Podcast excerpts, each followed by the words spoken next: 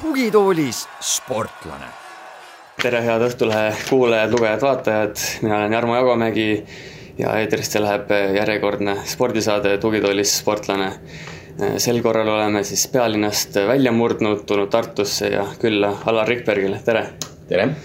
nutikamad said ilmselt juba aru, et äh, täna tuleb juttu võrkpallist, sest Alar Rikberg on igas mõttes selline, ütleme, võrkpalliinimene ja kui ütleme, et võrkpalliringkondades Alar sind ilmselt teatakse põhjalikult ja, ja kõike sinust teatakse, siis üritame sind täna tutvustada ka ütleme sellisele tavalisele muu, muu spordiga kokku puutuvatele inimestele, et äh, alustakski võib-olla kõigepealt sellest, et kuidas sind tituleerida tuleks, et kas oled sa treener, statistik või ma ei tea, midagi kolmandat-neljandat äkki hoopis või kõike, kõike korraga?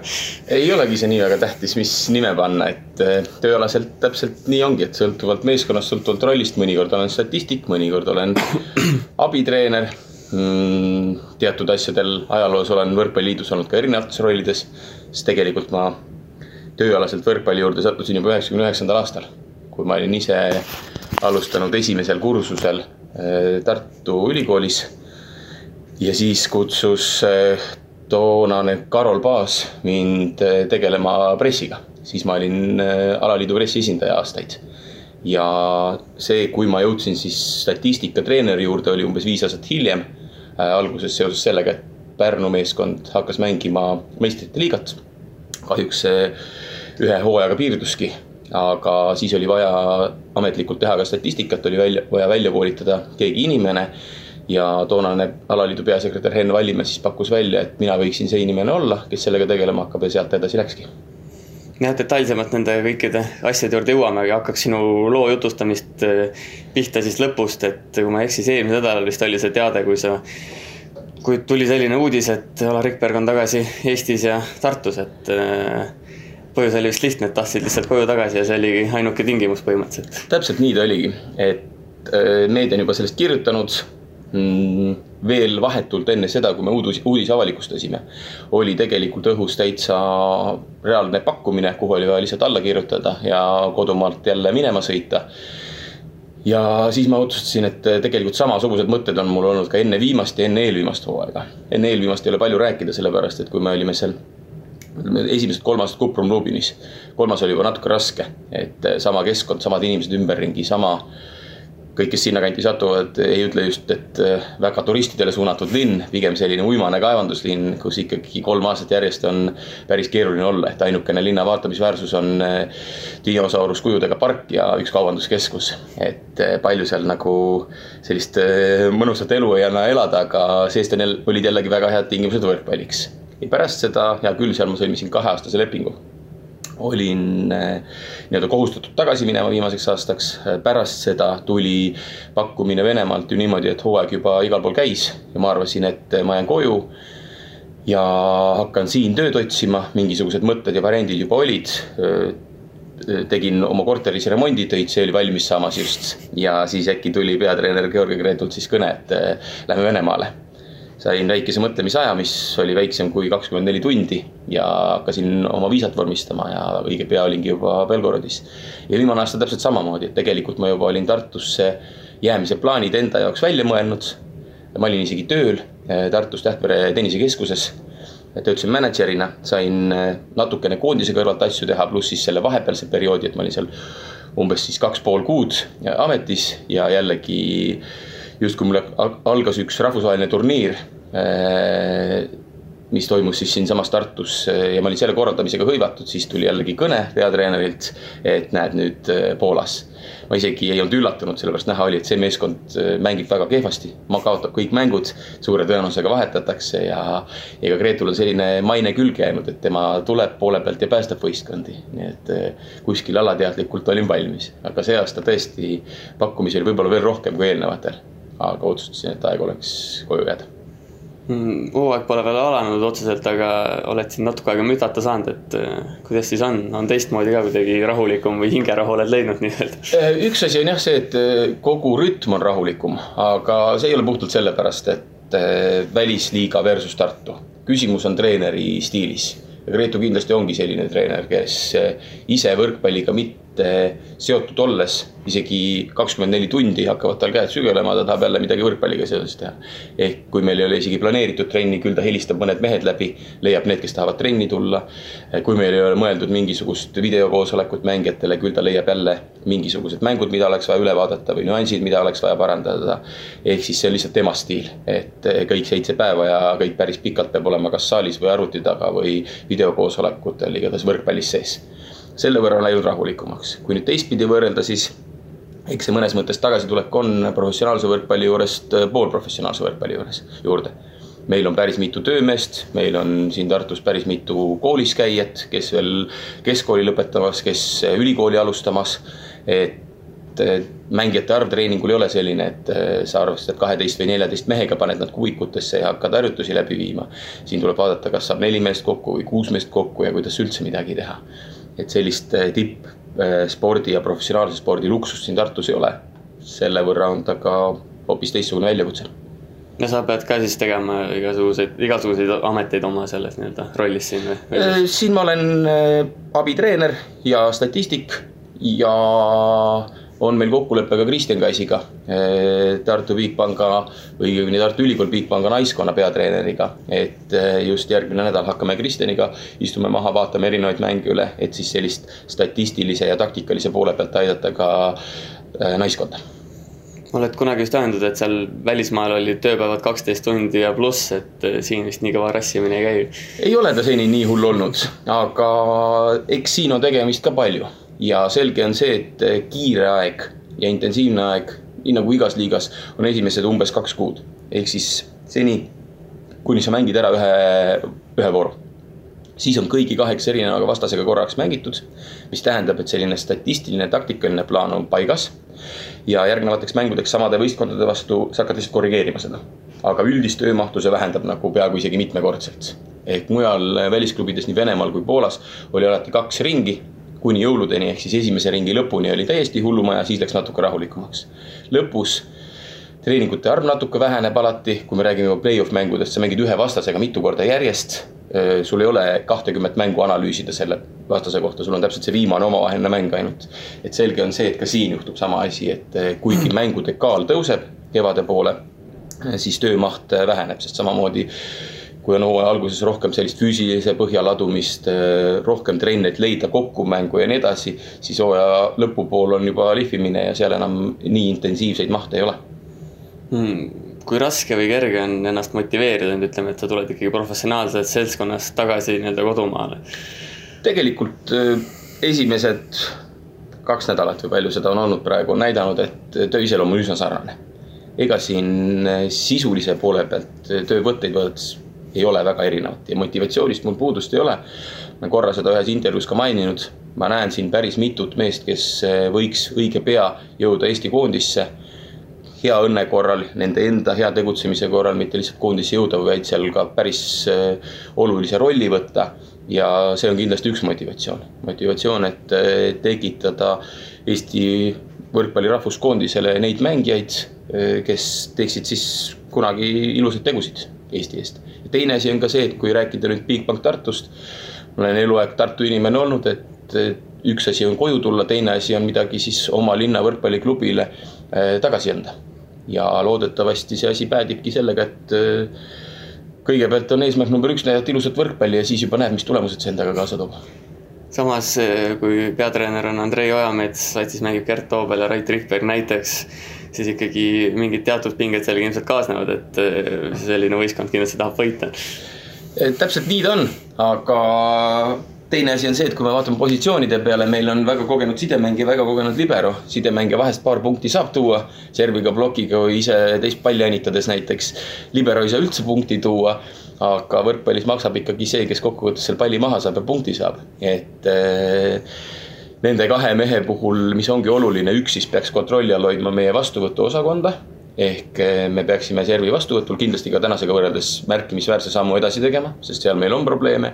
ja teine mees peaks siis juhendama vägesid eesliinis ehk siis jagama need pallid niimoodi laiali, et eh, mängijatel oleks mugav et neil oleks võimalikult vähe plokikäsi ees ja et nad saaksid siis punkte tuua, sellepärast et need kaks äh, kogenud mängijat ei ole just punktimasinad, punktimasinad on meil vastupidi just noored mängijad mm, hakkame vaikselt nende välismaa juttude juurde jõudma, et sa ütlesid ka, et siin oli veel rohkem pakkumisi kui varemgi, et kas nagu mingi osa ikkagi sinust oleks tahtnud veel jätkata ka seda teed või, või oli see nii-öelda tulek kindel või mis, mis nii-öelda kategooria klubid seal olid, et ikkagi päris vist Euroopa tipud, nagu ma arvan? seal olid kas tipud või siis heas liigas mängivad klubid, ehk siis põhiliselt eh, ma olen ka varasematel aastatel saanud pakkumisi kuskilt Saksamaalt, keskmikest ja, ja muid selliseid, et nendele ma ei ole isegi reageerinud. sellepärast lihtne valik oleks eh, minna kaasa Gretuga ja selge on see, et tema on viimastel aastatel enda lati mingile tasemele tõstnud Eh, ka enne seda hooaega Poolast näiteks Gdansk ja Olsztyn olid temast huvitatud.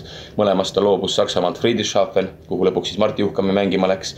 samamoodi pidas läbirääkimisi, aga üsna kiiresti tuli temapoolne ei-sõna, et ta ei ole huvitatud. ehk temaga kaasaminek tähendab ka siis Euroopa tippklubi automaatselt, sellepärast ma olen välistanud teatud liigid. nüüd eh, Poola-Venemaa variandid Venemaal eelkõige selline atraktiivne on selle pakkumise rahaline pool aga kuna ma saan, olen korra juba olnud, siis teistpidi ma tean ka, et see raha, mis sulle pakutakse ja mis tegelikult ka allkirjastatud lepingusse jõuab, ei pruugi olla sugugi see raha, mis sinu pangakontole lõpuks jõuab. et kuigi Venemaal on päris korrektne, need on ametlikult maksustatud, need töötasud ja nii edasi, siis lihtsalt põhimõtte pärast, eriti kui midagi läheb halvasti, sulle ei maksta. ja nii lihtne see asi ongi, et kui lepingunumber on ilus, kaks või kolm korda suurem kui näiteks Poolas, siis reaalne kättesaadav raha on täpselt sama, mis Poolas selles suhtes tahangi tänada näiteks seda viimase aasta klubi Rešoviat, kes tõesti esimesena minu välisklubide ajaloos maksis kõik palgad õigeaegselt, korrektselt ja hooaeg saigi lõpetatud niimoodi, et see oli vist kümnes juuni, kümnendal laekus viimane palk ja saime eh, asjad ühe päevaga siis korrektselt ära lõpetada, et varem ülejäänud nelja hooaja jooksul sellist asja ei ole olnud ja Venemaalt saada eh, ütleme, et mitte saadud rahad, eh, ma arvan, et jäävadki Venemaale, neid ei olegi kunagi lootust teha täna kolmapäeval tuli hommikul just teade, et äh, Gretu liitub siin Venemaa meistri Kus-, Kuspassi meeskonnaga, et äh, kas ta sulle ka helistas ja kutsus? Äh, väga hea, et see teade tuli, sellepärast et vastasel juhul ma ei oleks saanud sellest rääkida, mina tean seda päris ammu ja Kemerovaga läbirääkimised algasid siin pakuks, et peaaegu paar kuud tagasi juba. ja need olid päris tõsised, need läbirääkimised. ma arvan, et Gretu ise võttis Euroopa meistrivõistluste ajaks väikse pausi, keskenduda Eesti koondisele ja sellepärast need läbirääkimised venisid mulle rääkis ta sinna minekust ja Kemerovaga liitumisest äh, siis, kui me olime koondisega laagris. Äh, rääkis vahetult pärast EM-i ja vahetult enne seda, kui nad saatsid lepingu, siis tegelikult saatsid nad selle lepingu ka mulle. ehk siis äh, selles lepingus ei olnud ainult Gretu üksi, mina pidin temaga kaasa minema sinna ja kuna mul oli Tartuga kokkulepe olemas, siis ma teatasin ka talle oma põhjused, miks ma ei soovi enam äh, välisklubisse minna ja temaga koos sinna Siberi poole kihutada, vastasel juhul ma juba kohe-kohe peaks sõitma hakkama. ja ütleme niimoodi, et lühidas vastuses ta ütles, et ta mõistab seda olukorda ja hakkas endale otsima siis teisi abilisi, kellega seal Kemerovas äh, seda, seda tööd edasi teha. Kahe tuhande neljateistkümnendal aastal sa siis esimest korda Poola läksid, et äh, räägi, kuidas see nagu üldse nagu juhtu, juhtus või kuidas see nii-öelda tee algas sul seda ma mäletan päris täpselt, on Poolas üks eh, selline spordikool nagu meie mõistes Audentes. Poolas on Spava selle asja nimi, asub ta Varssavi lähistel täiesti metsa sees, seal on staadion, spordihallid. kehv eh, selline nõukogudeaegne sööklatoit ja samas teistpidi loodud päris head tingimused eh, nii võrkpalluritele kui teiste spordialade tippudele, seal on palju tipptasemel, maailma tipptasemel kergejõustiklasi näiteks, nendele harjutamiseks ja kuna seal Gretu on meil kõva kohvisõber, aga arvestada võib, et nõukogudeaegses sööklas kas üldse kohvi pakuti või oli see nii-öelda pätikohvi, siis oli meil vaja kohaliku küla pealt mingisugune kohvik üles leida. üks kõrtsi kohviku vahepealne asi seal oli ja sinna me jalutasime kolmekesi, mina, Gianni ja Rainer Vassiljev oli kolmas. ja siis esimest korda, see oli siis juuli kaks tuhat neliteist me olime koondisega EM-valiksarja lõpetanud, hoidsime koos veel eh, sellist nii-öelda pool B-koondist. ehk siis eh, vanemad mängijad said puhkuse, samas mõned nooremad, ma mäletan, seal oli Robert Täht, eh, seal oli Rene Teppan minu arust veel pundis sees igatahes mõned sellised ka juba tolleks ajaks põhimängijad olid veel meiega. Nendega me läksime Poola siis Paavo meeskonnaga sõprusmänge pidama ja siis oli selge, et ta oli oma läbirääkimistes Lubini meeskonnaga jõudnud nii kaugele, et et ta on minemas, kõik on kindel ja ta hakkas üles ehitama endale meeskonda. sellepärast see oli esiliigast plussliigasse tõusnud tiim. Hmm, seal oli klubi, mille juhtidel puudus igasugune teadmine, kuidas ühte profimeeskonda hallata, kuidas seda manageerida. et selles suhtes ma usun, et klubi mehed on ja naised on talle tänulikud äh, veel, veel pikka aega, sellepärast et tema oli see, kes selle meeskonnaga organisatoorse poole pealt suures osas üles ehitas oma kogemustest, mis ta eelkõige siis äh, Viini meeskonnast pärit olid. ja nii ma sinna sattusin, et äh, võtsin päris pika mõtlemisaja pärast seda esimest ja lõpuks, kui mälu ei peta, oli see augusti teine pool alles tulin koju ja siis ta ikka pommitas mind kõnedega, küsis, et kas ma tulen ja augusti teises pooles ma võtsin selle otsuse vastu ja septembri alguses jõudsin Lubinisse. tegelikult väga võõrasse keskkonda, võib-olla natuke ka kartes, et milline see tase on ja milline see töö on, et ega ei tea, kas ma saan ka selle asjaga hakkama. aga tagantjärgi selgus, et minu tase oli piisav sama mõte tekkis mul korraks Venemaale minnes, et kui nüüd Poolast Venemaale minna, et äkki seesama puht statistilised äh, taktikalised analüüsid mängijatele ja see pool ei vasta võistkonnale, kus on ikkagi noh, koos siis mänedžeriga viis olümpiavõitjat. et väga-väga eh, tipptasemel mehed, aga nagu selgus, siis eh, pigem meie tase oli sammuke ees. kui me räägime nüüd Janiga taktikalisest poolest ja kui puht sellisest tehnilisest statistika tegemisest rääkida, siis Poola liiga on Venemaast vähemalt viis aastat ees et seal on päris selgelt asi kaldu selle peale, et eh, Itaalia ja Poola on kaks sellist liigat, mis on, eh, mis on väga professionaalseks läinud oma sellise statistilise analüüsi ja ettevalmistuse poole pealt milline mees sa olid seal umbes viis aastat tagasi siis, et olid sa nagu selles mõttes enesekindel lõppkokkuvõttes või sul olid nii-öelda veel oma ametis nii-öelda arenev veel? Eh, kindlasti arenev, ehk siis minu selline väike paigalseis tekkis ajal, kui me olime koos juba üheksandat hooaega näiteks Aavo keelega Eesti koondises. väga ise ei suutnud enam midagi edasi mõelda, ei osanud ka väga, mõned mõtted olid, aga pigem hoidsime selle taktikalise poole, selle statistilise poole lihtsama. ja Gianni tulekuga koondisse asi muutus. tegelikult, kui Gianni tuli, liitus meiega, ma nüüd ei mäleta, kas see oli aprilli lõpp kahe tuhande neljateistkümnendal aastal, kui me hakkasime EM valikmängudeks ette valmistama, siis meie suhtlus Skype'is algas kuskil veebruaris juba ja me päris pikalt rääkisime läbi põhimõtted, ta küsis meie mängud, erinevad videokokkuvõtted ehk siis kohe, kui ta siia jõudis, me alustasimegi sellest, et kuidas nüüd sedasama Eesti koondist peab hakkama ümber vormima ja mis seal valesti on tehtud. ja sellest algas tegelikult ka selline tõuge, et minu enda tase sellesama statistika, taktika poole pealt kõvasti läks kõrgemaks, et see on see selline koosõppimine treeneriga. ega ma ei võtnud ka ainult tema asju üle, iga aasta me kuidagi parandasime ja arendasime midagi ja sama on jätkunud praeguseni, et kogu aeg tuleb endal mõtteid, võib-olla tuleb, kui me räägime koondisest, ka Rainer Vassiljevil, abitreeneril mingisuguseid mõtteid, et seda võiks nii või naa teha. ja Gianni ise täpselt samamoodi arenes kogu selle perioodi jooksul. et selge on see, väliskeskkond, nii Poola kui Venemaa on soodsad pinnased, kus areneda kus ise hakata mõtlema, kus sa kohtud ka tegelikult teiste statistikute, abitreeneritega, peatreeneritega, räägid tahes-tahtmata ma olen ka natukene sellist huvi üles näidanud, et eh, mõned mängijad on enda taktikalised plaanid teistest klubidest mulle toonud. näidanud, kuidas seal ühte või teist asja tehakse.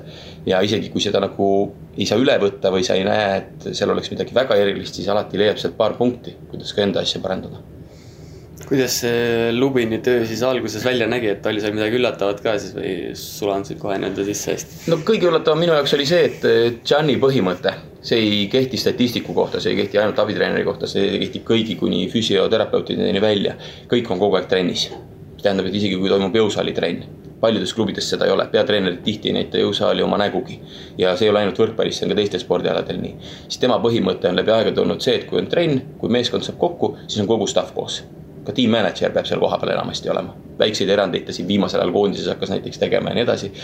Äh, küll aga mitte minu puhul, ehk siis minu jaoks äh, kujunes selline elurütm, mida varem ei ole olnud, sellepärast et ma käisingi lihtsalt äh, võistkondadega koos reisidel või mõnepäevasel ettevalmistusel. aga see, et sa oledki hommikuses trennis, siis teed sellist statistikatööd, vaatate koos treeneritega videoid ja kõike muud ja siis on sul õhtune trenn. ehk siis seesama sportlase rütm, mis kõik need aastad tegelikult täpselt samamoodi oli. viimasel aastal Rešovias, kuna varasematel see hommikune trenn mul seal väga midagi vaadata ei ole, kuidas mehed kangi tõstavad.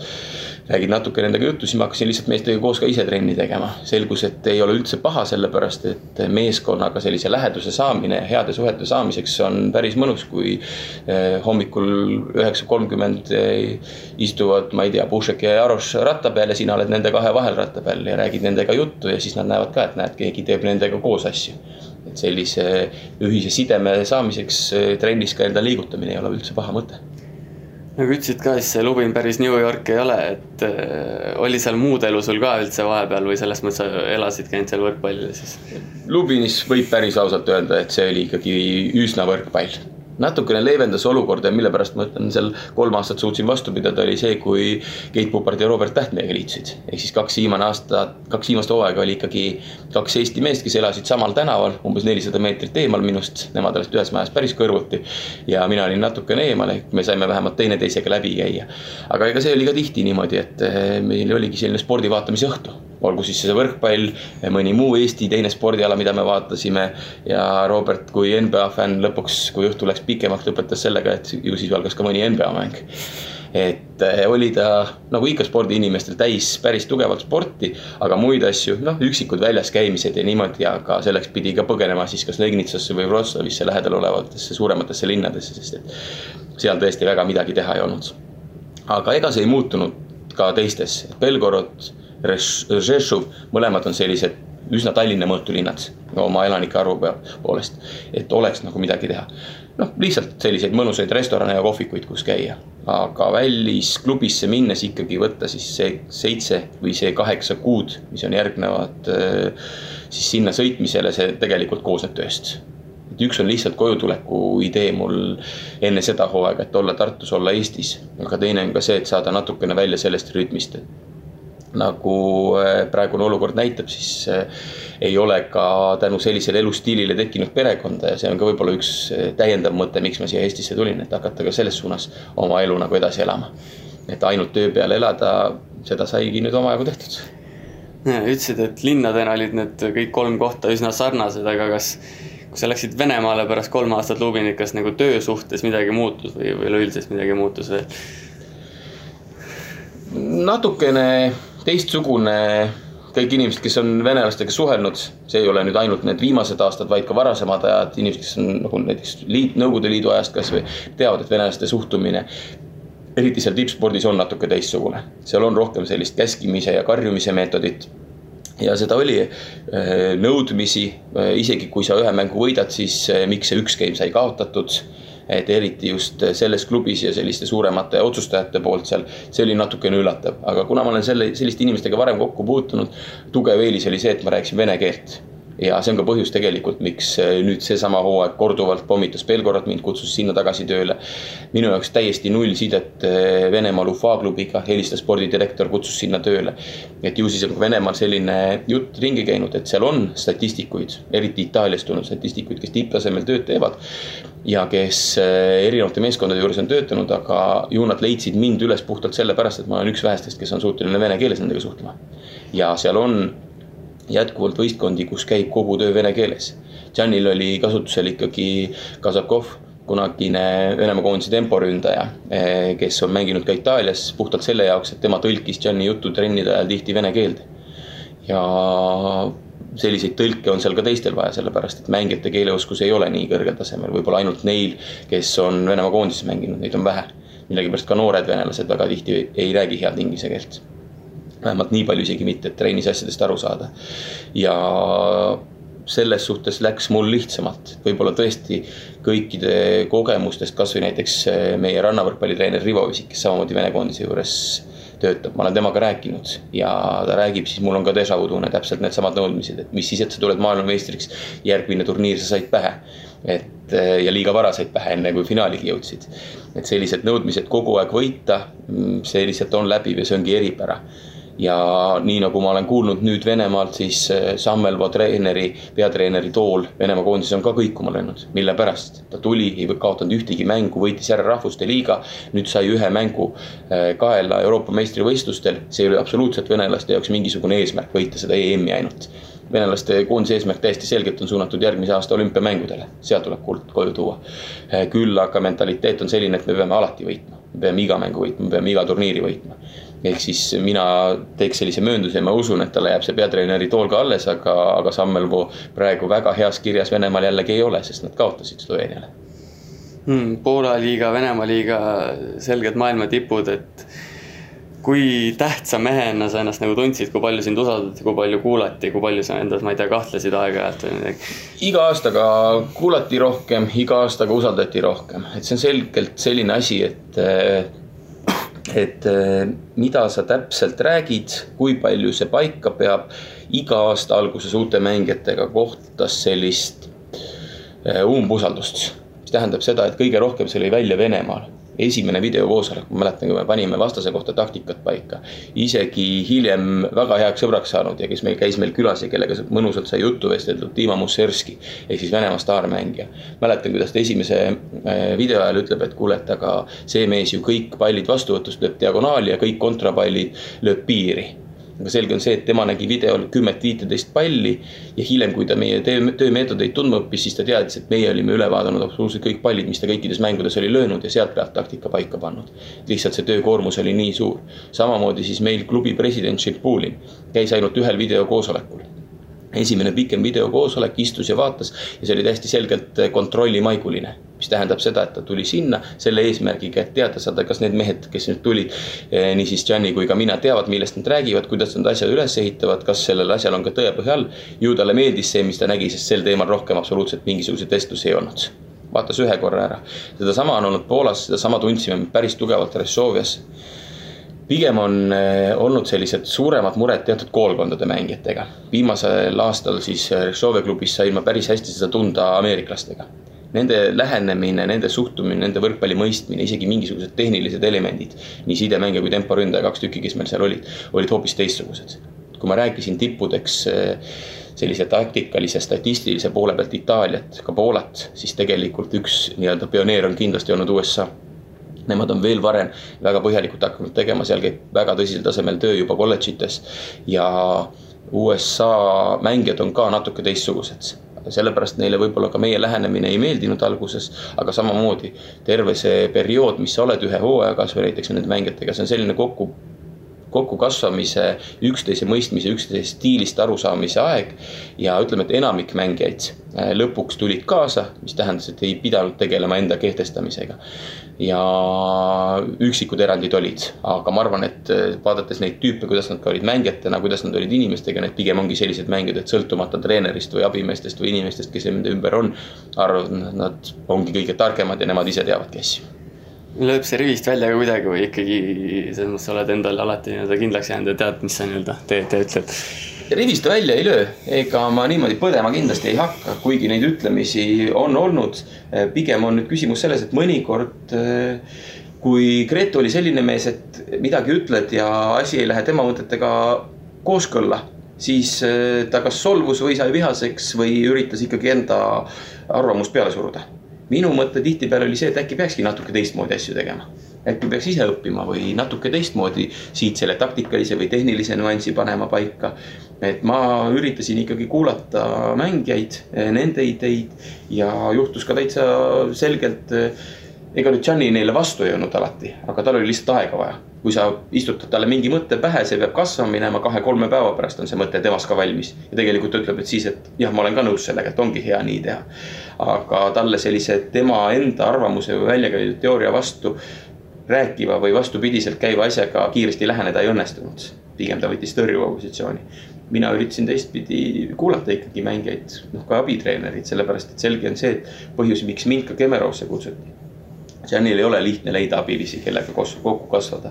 Äh, on ta ka ise öelnud, et äh, mina, Rainer siin Eesti koondises, samamoodi Mirko Fasini, kellega ta nüüd juba kümme või rohkemgi aastat koos on töötanud. et tal on seal teatud sellised oma inimesed, kellega, kes jagavad tema kiikse, tema mõtteid ja teistpidi, kellega ta hästi toimib, et uute inimestega Venemaal.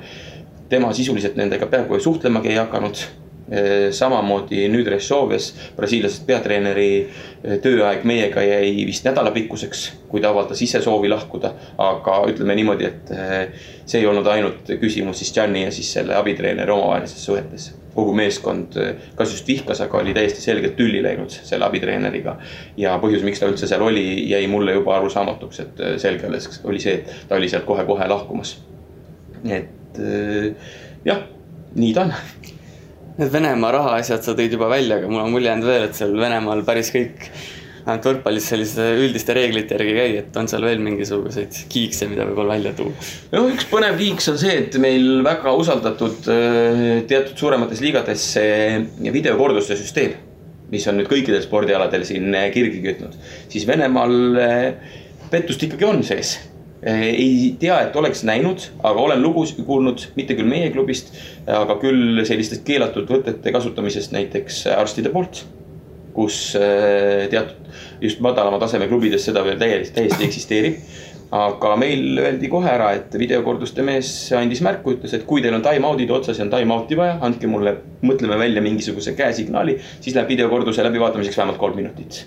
lihtsalt ta veedab aega ja no näha oli nii meie kodus meie poolt kui ka võõrsil mängudel meie vastu. et äh, kui me nüüd tuleme tagasi selle kirgi kütnud, äh, kui mälu ei peta, oli see Der Horsti serv Eh, kus eh, astus joonele või ei astunud joonele mm. -hmm. siis tegelikult reeglite järgi sedasama pilti vaadates ta ei astunud joonele, seal oli selline minimaalne millimeetrine vahe sees. aga see kaader pandi seisma paar freimi liiga vara, sellepärast et tema jalg oleks täiesti selgelt, ta ei saa sellisest asendist üles hüpata. see on füsioloogiliselt võimatu, seda võivad meil igasugu kergejõustiku eh, välja arvutada ja täpselt näidata, mis tähendab seda, et paar freimi hiljem oli selgelt tema varvas joone peal.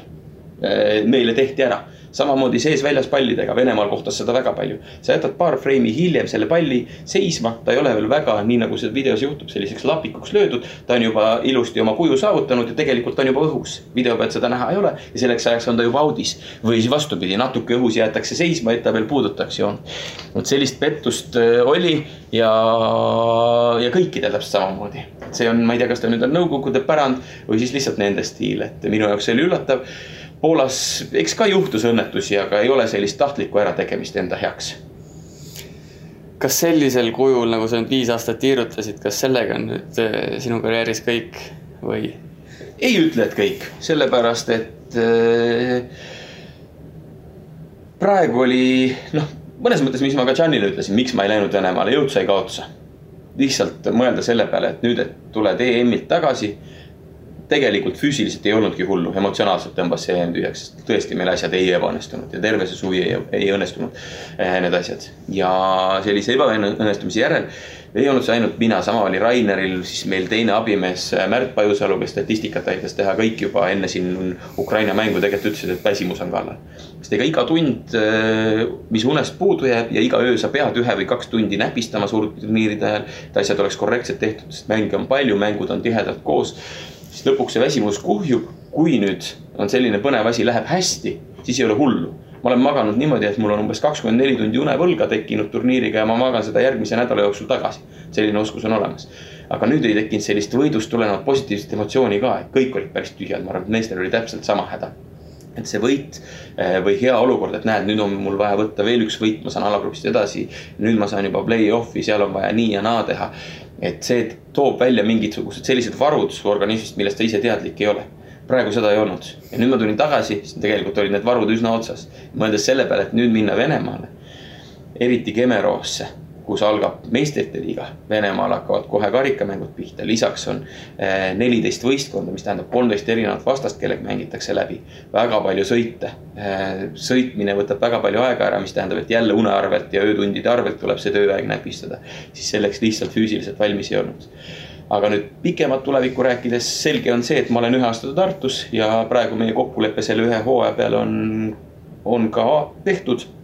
ja punkt üks, vaatame, kuidas siin läheb ja teine, millised võimalused tekivad. ei välista, et üks oluline asi, mis siia tuleb nagu kõrvale tuua, on ka Eesti koondis. sellepärast, et eh, ega minul ei ole Eesti koondisega mingisugust lepingut olnud ega ei ole ka tulevikuks ega ka kokkulepet. samamoodi kogu muu staffi osas.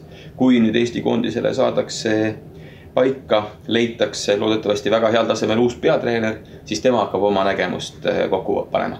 ja kas minul seal mingisugust rolli on või ei ole, ei ole aimugi, sõltub suure, sõltubki puhtalt sellest peatreenerist natuke ka alaliidust ja alaliidu võimekusest. sellepärast, et ega Gianni tulek Eestisse ja minu jäämine koondise juurde ei olnud tema esmane eesmärk. tema esmane eesmärk oleks olnud kaasa tuua, ma arvan, et kuna ma tean neid statistikuid, kellega koos töötab, siis kaks varianti, üks on itaallane Francesco Oleni kes on viimased aastad Itaalia madalamates liigades töötanud või teine variant on Kamil Sovoduha, üks eh, Poola statistik, kellega ta Olstinis koos töötas, kes oli aastaid Soome koondise statistik, kuni siis Sammelo lõpetas. ja oli ka viimasel hooajal meil taktikalise poole pealt eh, Rešove klubis abiks. et tal on samamoodi oma inimesed, mina ei olnud valik. samamoodi ma arvan, et abitreeneri kohale ei olnud tema esimene valik eh, Rainer tema esimene valik oleks olnud suure tõenäosusega Daniele Gabrioti, kellega ta oli ka Olstinis koos töötanud. kes oli siis eh, noh, on tulnud naiste võrkpalli juurest Islandi koondise abitreener ja ka Gianni teab teda ja tema sellist töömeetodit. kes tema töötas ühe hooajaga meil Lubinis abitreenerina. et ta tahtis tulla tegelikult Eestisse kogu oma staff'iga kuna alaliidul ei olnud selliseid vahendeid, sellepärast välistafi toomine kõikide nende inimeste puhul, kui sa liidad kokku nende märgatavalt suuremad töötasud, paned sinna juurde nende lennupiletid põhimõte, et neid peab kogu aeg ka toitma ja kuskil hotellis majutama, isegi siis, kui on vabad päevad, siis selgelt see on alaliidu jaoks suur rahaline koormus. sellist nelja-viie meeskonnalist staff'i ülal pidada lihtsalt alaliidul polnud võimalik. tänu sellele mina ja Rainer jäime ja ainukene siis äh, inimene, kelle Gianni sai endaga kaasa võtta koondise juurde, oli Mirko Fasini noh, tuleviku suhtes mine sa tea, vaatame, mis juhtub koondisest. ja ega ma ei ole välistanud, et ma Gianniga kuskil äh, klubis veel koos tahaks töötada ja ma nüüd ei tea tema rolli, ma arvan, et ta on natukene võib-olla pettunud või solvunud sellest, et ma ei läinud temaga kaasa. loodan, et ta saab ka sellest olukorrast aru, sest tegelikult ta nägi seda, ta on piisavalt tark inimene, ta näeb, näeb ära ka kasvõi minu näost tunneb ära need emotsioonid, me oleme ikkagi nii palju aastaid nii tihedalt koos olnud. et ju ta ise ka mõistis tegelikult, et see energia on natuke otsa saanud ma tegelikult tahtsin selle küsimuse natuke suunata sellele ka, et äh, sa oled seda võrkpalli asja ka nii kaua ajanud, et kas ise ei unista peatreeneri tööst, ma ei tea, kas Eestis, välismaal, Eesti koondises või mida iganes, et. siin on nüüd äh, selline asi, et äh, punkt üks, ise väga ei ole veel sellist huvi sellepärast, et peatreener versus nagu abitreener või statistik või ükskõik teine, kõik, kes nagu staff'is on, selle vastutuse vahe on päris suur. Peatreeneri vastutus ja pinge on ikkagi kordades suurem kui ükskõik kellel teisel. sama üks mäng, kui ma pidin Janit viimane hooaeg asendama Rešove peatreenerina, mis oli hooaja kõige kehvema klubi vastu. Võõrsil väga ebamugavas saalis pärast vastikut reisi ja kõigele lisaks sellele samale klubile me olime veel oma esimese mängu seal Rešovis null kolm kaotanud, mis oli täielik ebaõnnestumine ja neil oli veel mingisugune paar meest vigastusega väljas, ehk see oli selline väga kindel nõutav võit. vastasel juhul oleks mina võinud vastu päide jalgu saada, et mis kuramus toimub. ja Gianni oleks ka, kuigi ta tahtis ju täiesti haigena tegelikult kaasa tulla, see oli kokkuvõttes arstide otsus, et meeskonda kaitsta. et ta ei saanud meiega koos reisida, vastasel juhul oleks pidanud kõik maskid ette panema ja ülimalt steriilselt kuidagi või. ma isegi ei tea, saa aru, kuidas seda oleks hea olnud lahendada, sest ta oli, tal oli ikkagi selline viirus ja väga nakkus, nakkusohtlik viirus tol hetkel tähendab seda, et kõik oleks võinud olla äh, palavikus ja meil järgmised paar nädalat audis, me oleks päris mõneks ajaks oma meeskonna riigist võinud välja viia. ja oli ka minul päris korralik pinge peal ja täna ma seda ei taha. pikemas perspektiivis, miks mitte, aga ma usun, et äh, ainult sellest, kui paljud on rääkinud, et sa pead alustama, ma ei tea, noortest või harrastajatest, siis vaikselt õppima ja nii edasi, kuhugigi tasemele välja jõudma. mina näen, et veel olulisem on see, et raamatutest tarkust või siis äh, noortega tegeledes seda tarkust ainult ei saa. kõige parem õppimisviis on võimalikult paljude erinevate tipptreenerite juures. ja sellepärast mul on ka natukene kahju, et ma olen nii palju järjest nüüd olnud Janiga. enne seda, kui me räägime koondise juures olemisest, keda ma nägin kõrvalt, oli ikkagi Aavo keele aeg klubide juures ma olen olnud, kui siin on ka peatreenerid olnud, Urmas Taliga koos töötanud, Oliver Lüütsepaga, Rainer Vassiljeviga, erinevate treeneritega. ega ma ka ju vaatan ja proovin nende pealt midagi õppida või vaadata, mida nad teevad ja nüüd on mul võimalus Andrei Ojametsaga koos töötada. ma näen, et selleks, et olla valmis peatreener, et leida parim harjutusvara, et osata mõista, kuidas psühholoogiliselt seda meeskonda juhtida. ma ei kahtle, et ma saaks hakkama peatreenerina, kui on vaja paika panna mängu taktikaline plaan kindlasti mitte, sellepärast et eh, kasvõi koondise tasemel selle ma võin ära teha, tihtipeale kui Gianni on natuke väsinum, siis minu valmis tehtud plaanis ta teebki võib-olla ütleme siis sellisest viiesajast erinevast märkusest kaks tükki muudab ainult ära, ülejäänud lähebki täpselt sellisena käiku, nagu ta on ja, ja selles osas ma ei kahtle, küll aga seal on nii palju nüansse peatreeneri töös, mille pärast ma loodangi, et mul avaneb veel võimalus erinevate treenerite juures õppida, vaadata, kuidas nemad teevad, võtta sealt nagu paremad ja siis võib-olla kujuneda. aga ma arvan, et see on veel protsess, mis võtab ikkagi aega aastaid ja aastaid. tõmbame sellele esimesele välismaa perioodile siis joone alla, et kõva tamp oli peal, et kas tehtud töö vähemalt siis vääriliselt kajastus ka nii-öelda kuu alguses pangakontol? Tegelikult on niimoodi, et ega selle positsiooni peal statistikuna või abitreenerina rikkaks ei saa. see töötasu on veidi rohkem, ütleme Eesti keskmisest palgast. ma olen täiesti veendunud ja kui ma siin ka töötasin, siis eh, sama raha ma saaks eh, teenida Eestis. kas spordis või väljaspool sporti.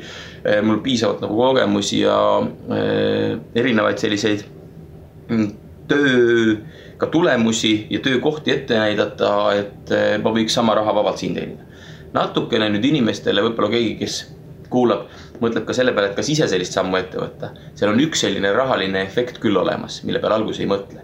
et kui sa isegi saad, ma ütlen, esimesed aastad, kui mäletan õigesti, siis võis see olla ühe aasta palk, võin numbriga välja öelda, äkki oli kaksteist tuhat eurot. Aastas, siis oli see esimene poole hooajapalk ja kui sa mõtled, et sellesama võiks ka siin teenida, siis täpselt nii ta ongi, Eestis annab ka sellise palga kindlasti teenida küll nüüd aga teistpidi, kui sa hakkad mõtlema, et kas, eh, kui palju sellest alles jääb pärast, siis välismaal elades punkt üks on see, et ega sa väga ei kuluta, peol sa ei käi, eh, kaubanduskeskustes ma ka väga selline, ei ole shoppaja, eh, kodu sul pole vaja sisustada, ehk siis seal tekib selline efekt, et osa sellest rahast lihtsalt jääb kätte, suurem osa, kui ta Eestis jääb. sõltumata sellest, kas sa elad riigis, mis on odavam või kallim. Poola selgelt elamiseks on odavam kui riik kui Eesti. Venemaa, eriti Belgorodi näitel, on elamiseks kallim koht kui Eesti see oli minu jaoks päris suur üllatus, et Venemaa on kallis. eriti tänu erinevatele nendele sanktsioonidele, tolliga seotud probleemidele, kõigele muule. kui sa tahad osta ikkagi endale lõhefileed eh, õhtusöögiks teha, siis see on päris karm otsus kas ma võtan selle või ei võta, et sa pead arvestama päris korraliku väljaminekuga. aga tõesti jah, kasvõi seesama Lubini näide, tihtipeale lepingus on sees sulle korter mille kommunaalidki kinni makstakse ja erinevates klubides kas ja või ei, aga pakutakse ka autot, mille kütuse sa pead lihtsalt ise ostma. et need on asjad, kus tegelikult rahaliselt kokku hoida. küll aga ei saa öelda, et selle viie aasta selle tööga nüüd oleks rikkaks saanud või selgelt midagi kõrvale oleks saanud panna et väikesed säästud ikka on tekkinud, ma ei peaks muretsema, kui ma äh, päevapealt kuskilt töötuks jääks ja et kohe kiiresti kuhugi minema peaks. piisavalt osavalt olen ma neid asju niimoodi ise majandanud aga jah, mm, pakun, et suuremalt jaolt sõltumata statistik või abitreener või üldfüüsilise ettevalmistuse treener. Need on positsioonid, kust ei pane korralikku raha kõrvale, et tegelikult koht, kus võrkpallis teenida selliselt, et sa mõtleksid, et ma nüüd viis või kümme aastat ringlen kuskil ja siis äh, soetan sellest endale kinnisvara või midagi muud, siis need kaks rolli, kes sellist luksust saavad endale lubada, on kas mängijad või peatreenerid. Äh, lähme ajas natuke rohkem tagasi, et räägi sellest, miks sinust sai treener, statistik, mitte mängija nagu vend Rait näiteks? oi, ma olin päris kova mängijana. ehk siis äh, ükskõik milline spordiala, väiksest peale kõige lihtsam ongi Raidoga võrrelda. Äh, ta oli põhimõtteliselt kõiges minust osavam ja vahet pole, kas mängisime ümber maja pesapalli, mängisime jalgpalli, korvpalli, meil oli ikkagi väga au sees, ütleme nüüd nagu selline kuuled iseennast kõrvalt nagu vanade aegade meenutaja, aga me olime ikkagi selline põlvkond veel, kes hoovispordi pealt üles kasvas. pluss kehalise kasvatuse tunnid, pluss kooli juures isespordi tegemine, pluss trenni tegemine. väiksest peale kogu aeg me tegime kõike. ja kuigi ta oli must aasta üheksateist päeva noorem, siis ta päris kiiresti oli peaaegu kõiges minust osavam. mõned alad, kus ma veel natukene aega sain enam-vähem hoida, aga olgu see kõige tavalisemad asjad nagu pallivise või jooks, ükskõik milleni välja, lõpuks ka võrkpallini välja, sest ta oli osavam. selge on see, et meile kummalegi ei ole ju füüsilisi eeldusi võrkpalli seisukohalt pikkuse näol väga palju antud, kuigi mul on ikkagi viis sentimeetrit rohkem kui mu vennakesel. aga eh, jah, mingil tasemel ma mängisin eh, käisime ka nii-öelda noortega Tartuga mängimas, ma paljudel aastatel kuulusin ka sellesse alustavasse kuuikusse.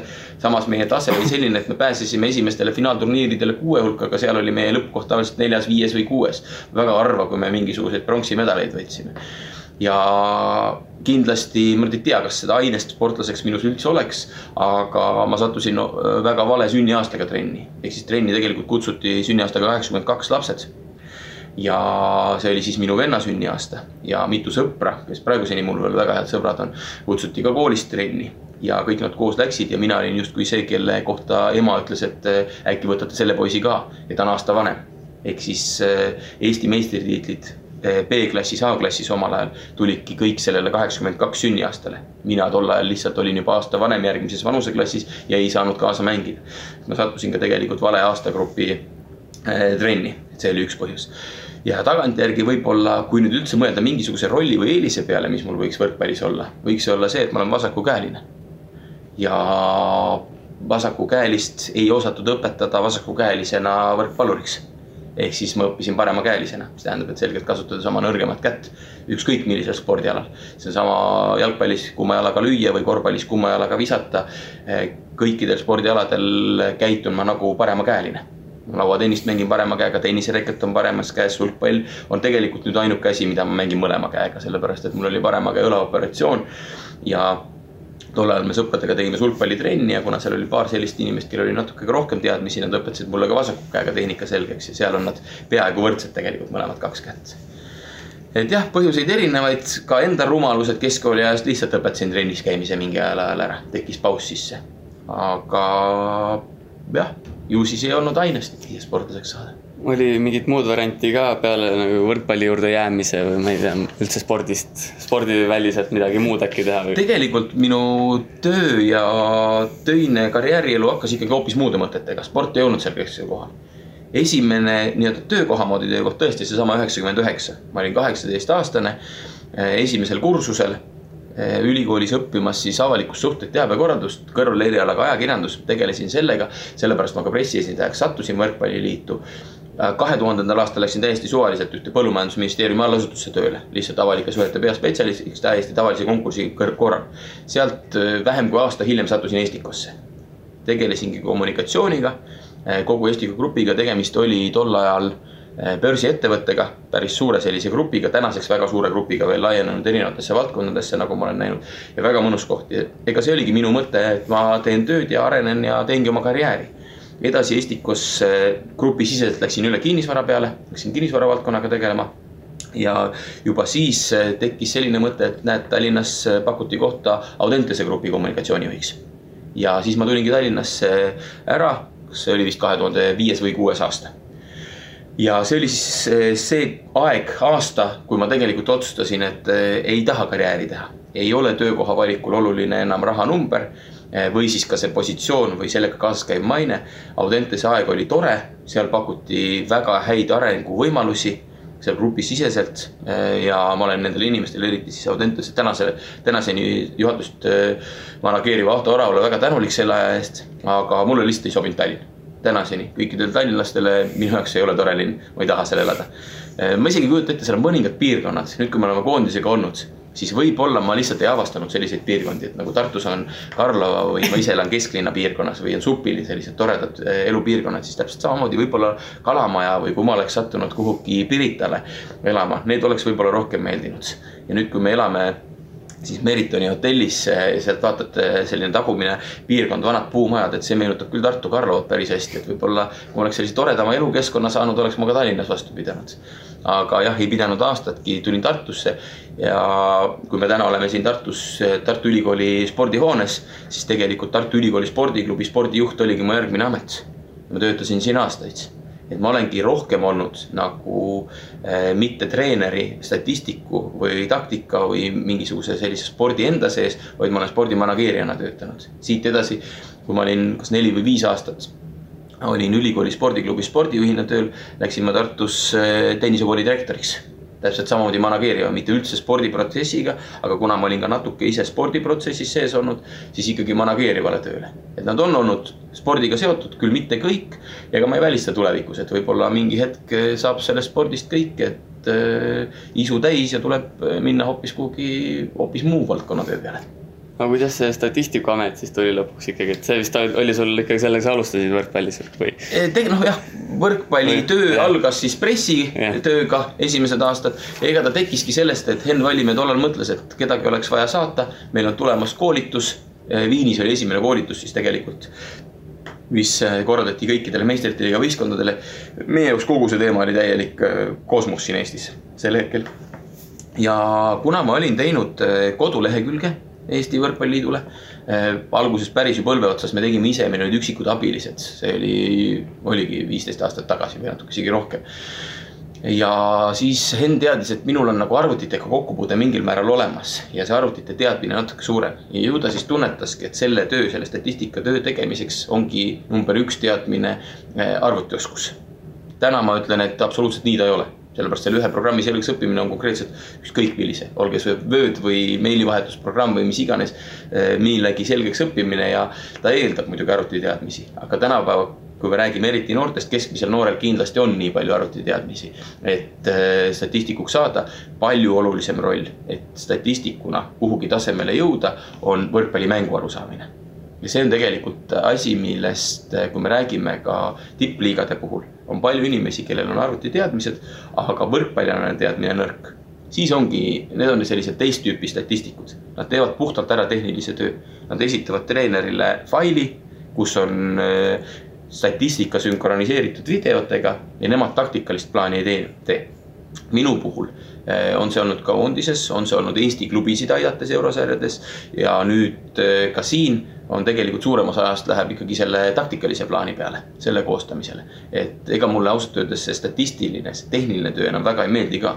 tund, tundide kaupa lihtsalt arvuti taga toksida ja videoid üle vaadata, et see on see igavam töö, mis tuleb ära kannatada, et saada põnevama töö juurde. kui tuleb välja mõelda see, et kuidas me nüüd edasi läheme, kuidas me mängima hakkame selle vastase vastu või mida enda mängus parandada.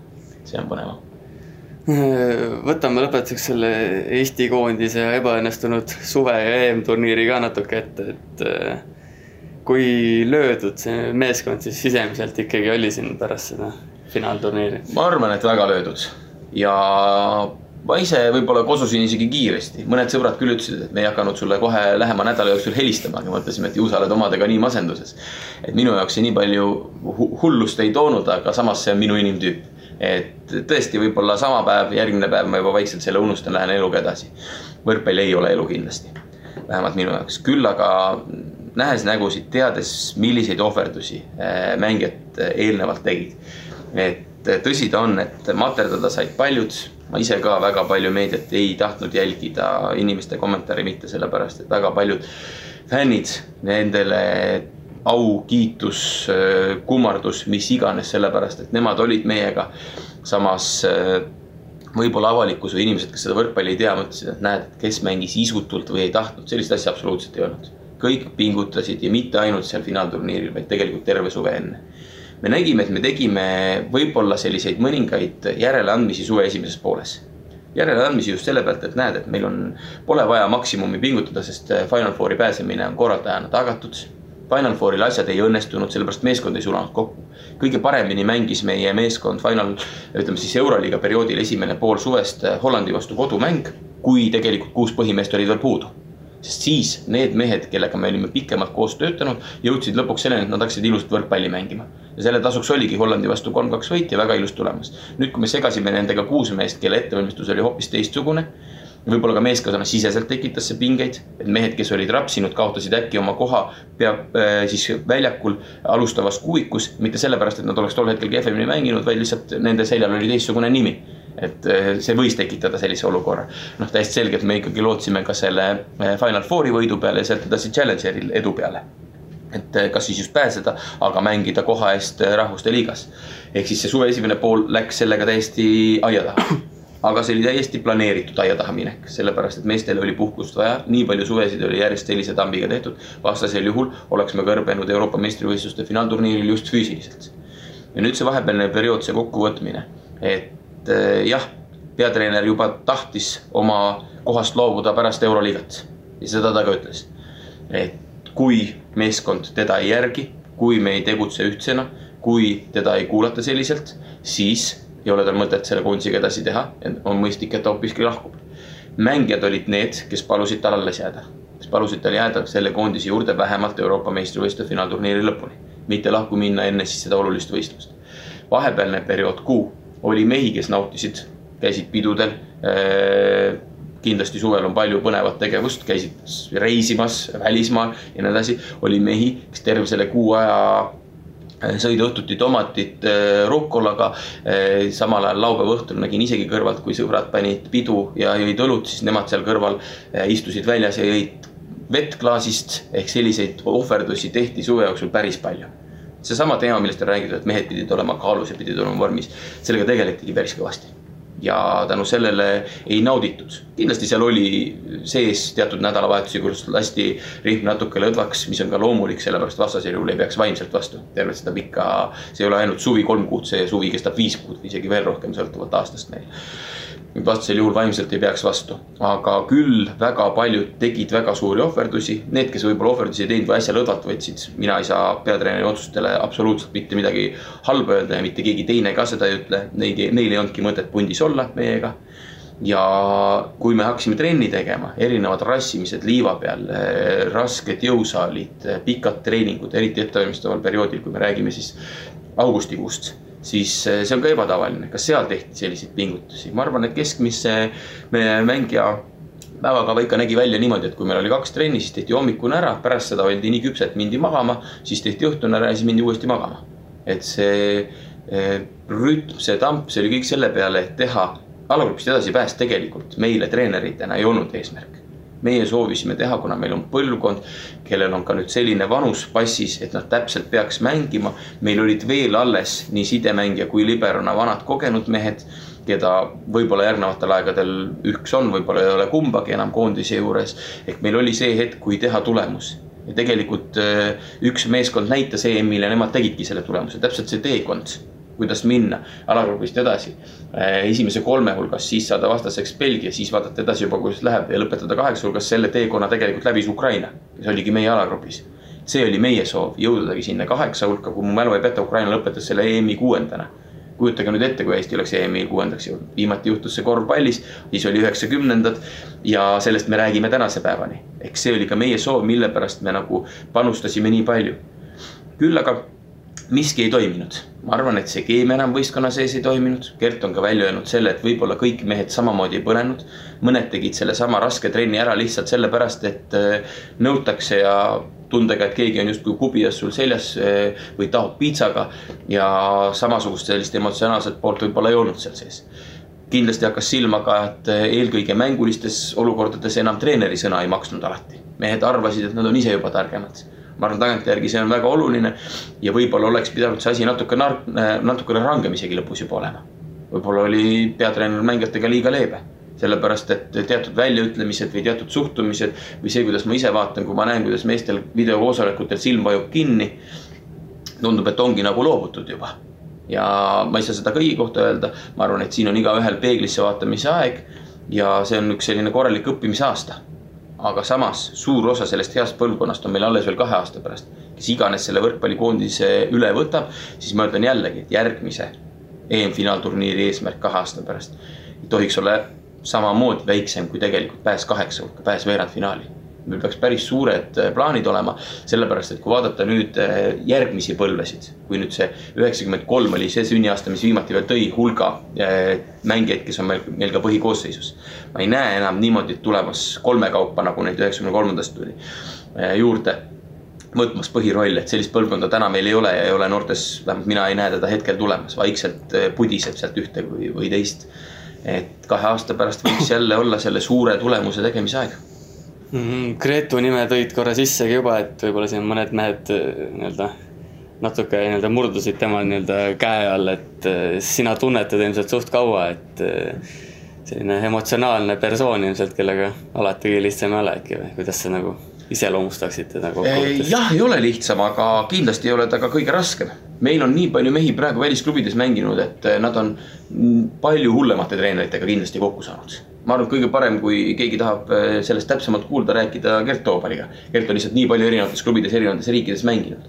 ja meil on äh, mehi, kes, äh, ma julgen kinnitada, et Gretu ei ole selline äärmus ei ühes ega teises et oleks kõige rangem või leebem treener.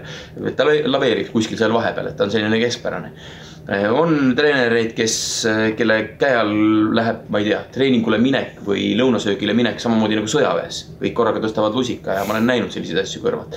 et eh, meil kindlasti oli olukord selline mõistlik. võib öelda muidugi, et see muutus ajas ja tegelikult Gretu oma olemusega läks iga aastaga leebemaks ja alguses tema tulek oli võib-olla rangem ja rohkem šokk mängijatele.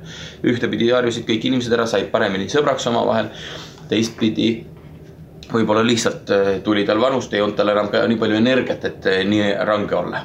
et üks asi tõesti, mida ei saa talle ette heita, et ta jättis oma südame, ta jättis oma hinge siia Eesti koondisse. ta muretses selle pärast kogu aeg, kui me olime välisklubides, siis meie hakkasime paika panema Eesti koondise treeningplaane ja mõtlema selle peale, keda koondisse kutsuda, keda mitte koondisse kutsuda kuskil jaanuarikuus mis tähendas, et kuid ja kuid enne seda.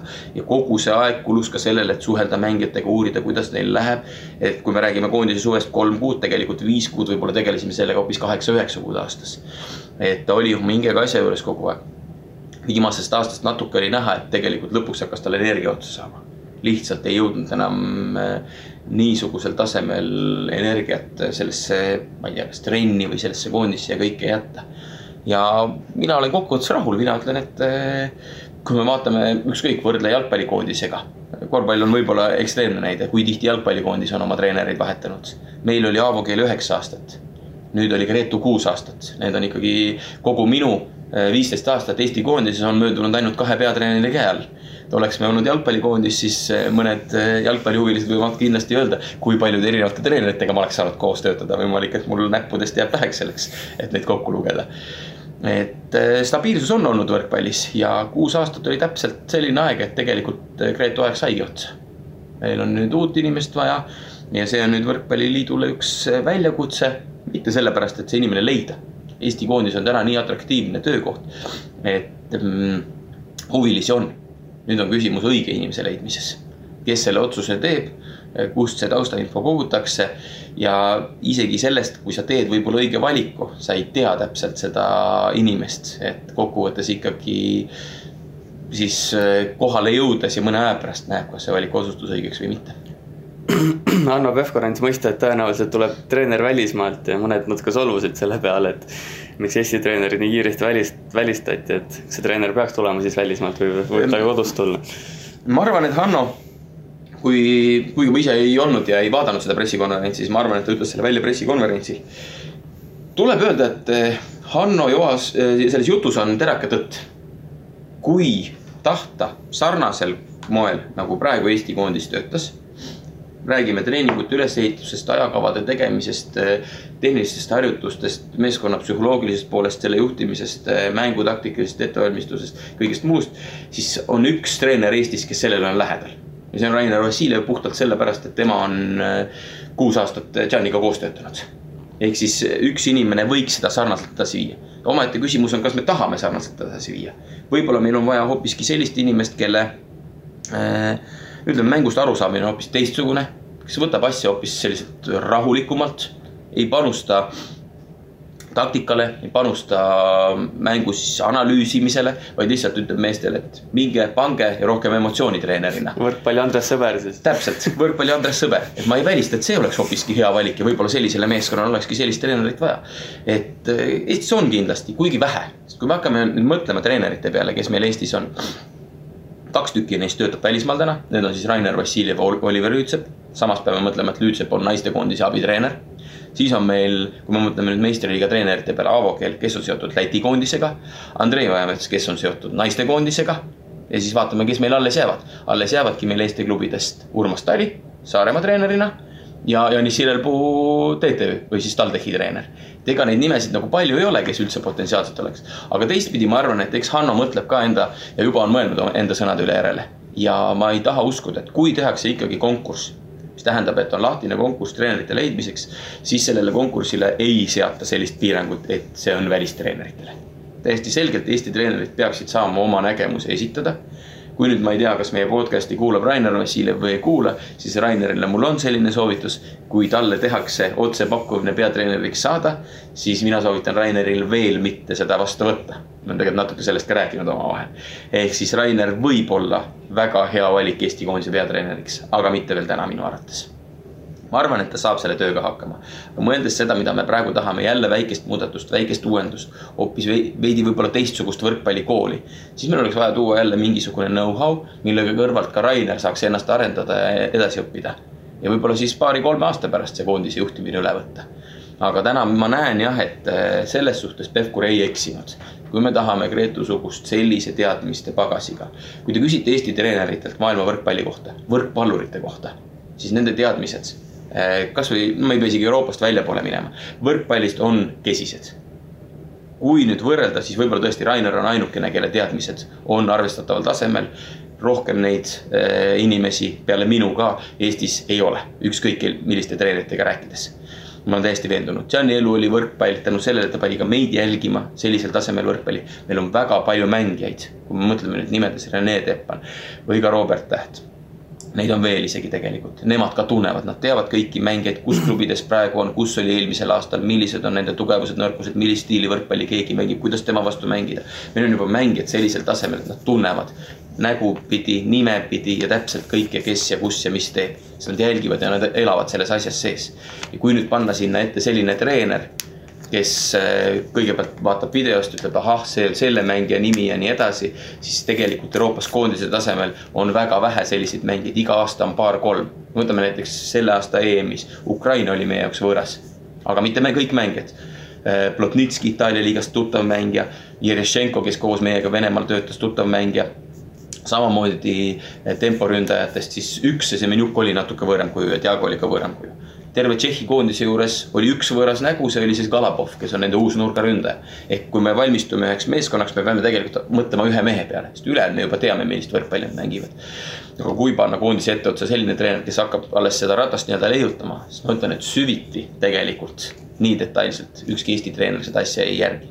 aga teistpidi ma ütlen, et ka välismaalt tuues on palju selliseid treenereid, kes pinnapealselt neid asju vaatavad ja vähe neid treenereid kes süvitsi tõesti neid asju teavad. üks proovikivi välistreeneritel oleks kindlasti, et äh, kui paljusid Eesti mängijaid nad üldse teavad. see, et Gretu teadis nii paljusid, ongi see, et ta on heas mõttes friik, kes kõiki neid liigasid, ka väiksemaid liigasid on nii palju lihtsalt jälginud. aga leida nüüd Euroopas selline treener, kes midagi Eesti võrkpallist teaks. jah, võib-olla see piirdubki viie-kuue nimega, kes on sellises, sellistes korralikes klubides mänginud ja ma arvan, et siis tuleb äh, teadmistes selline päris korralik paus paljudel meestel ja igal juhul järgmisel treeneril lihtsamaks ei lähe, sest eh, EM-finaalturniir on ju koduses Eestimaal, et äh, siin ei tohiks nüüd küll vist alagrupist välja jääda.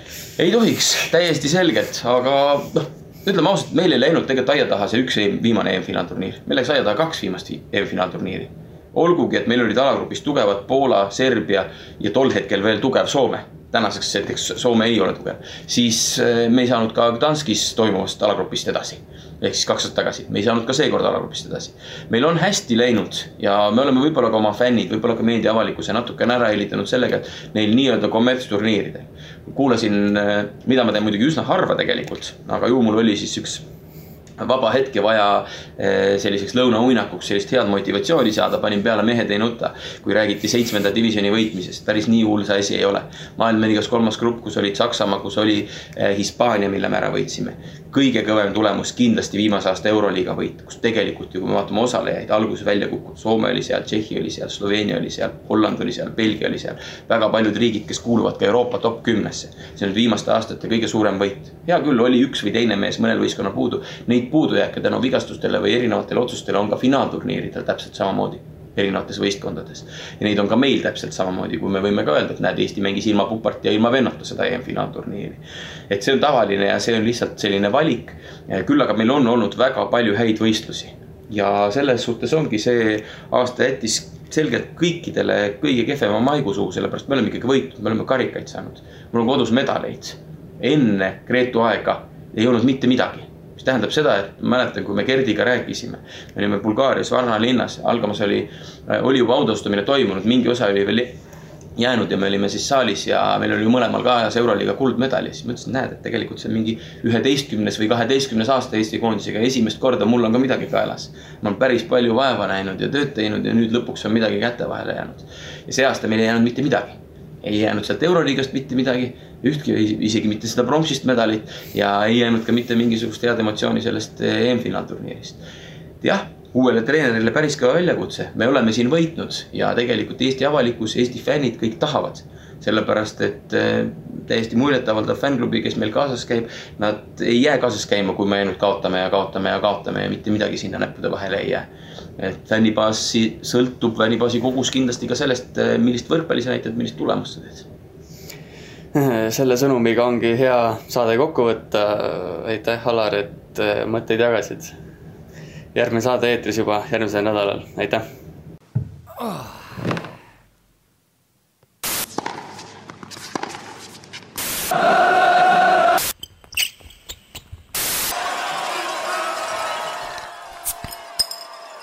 Tugitoolis sportlane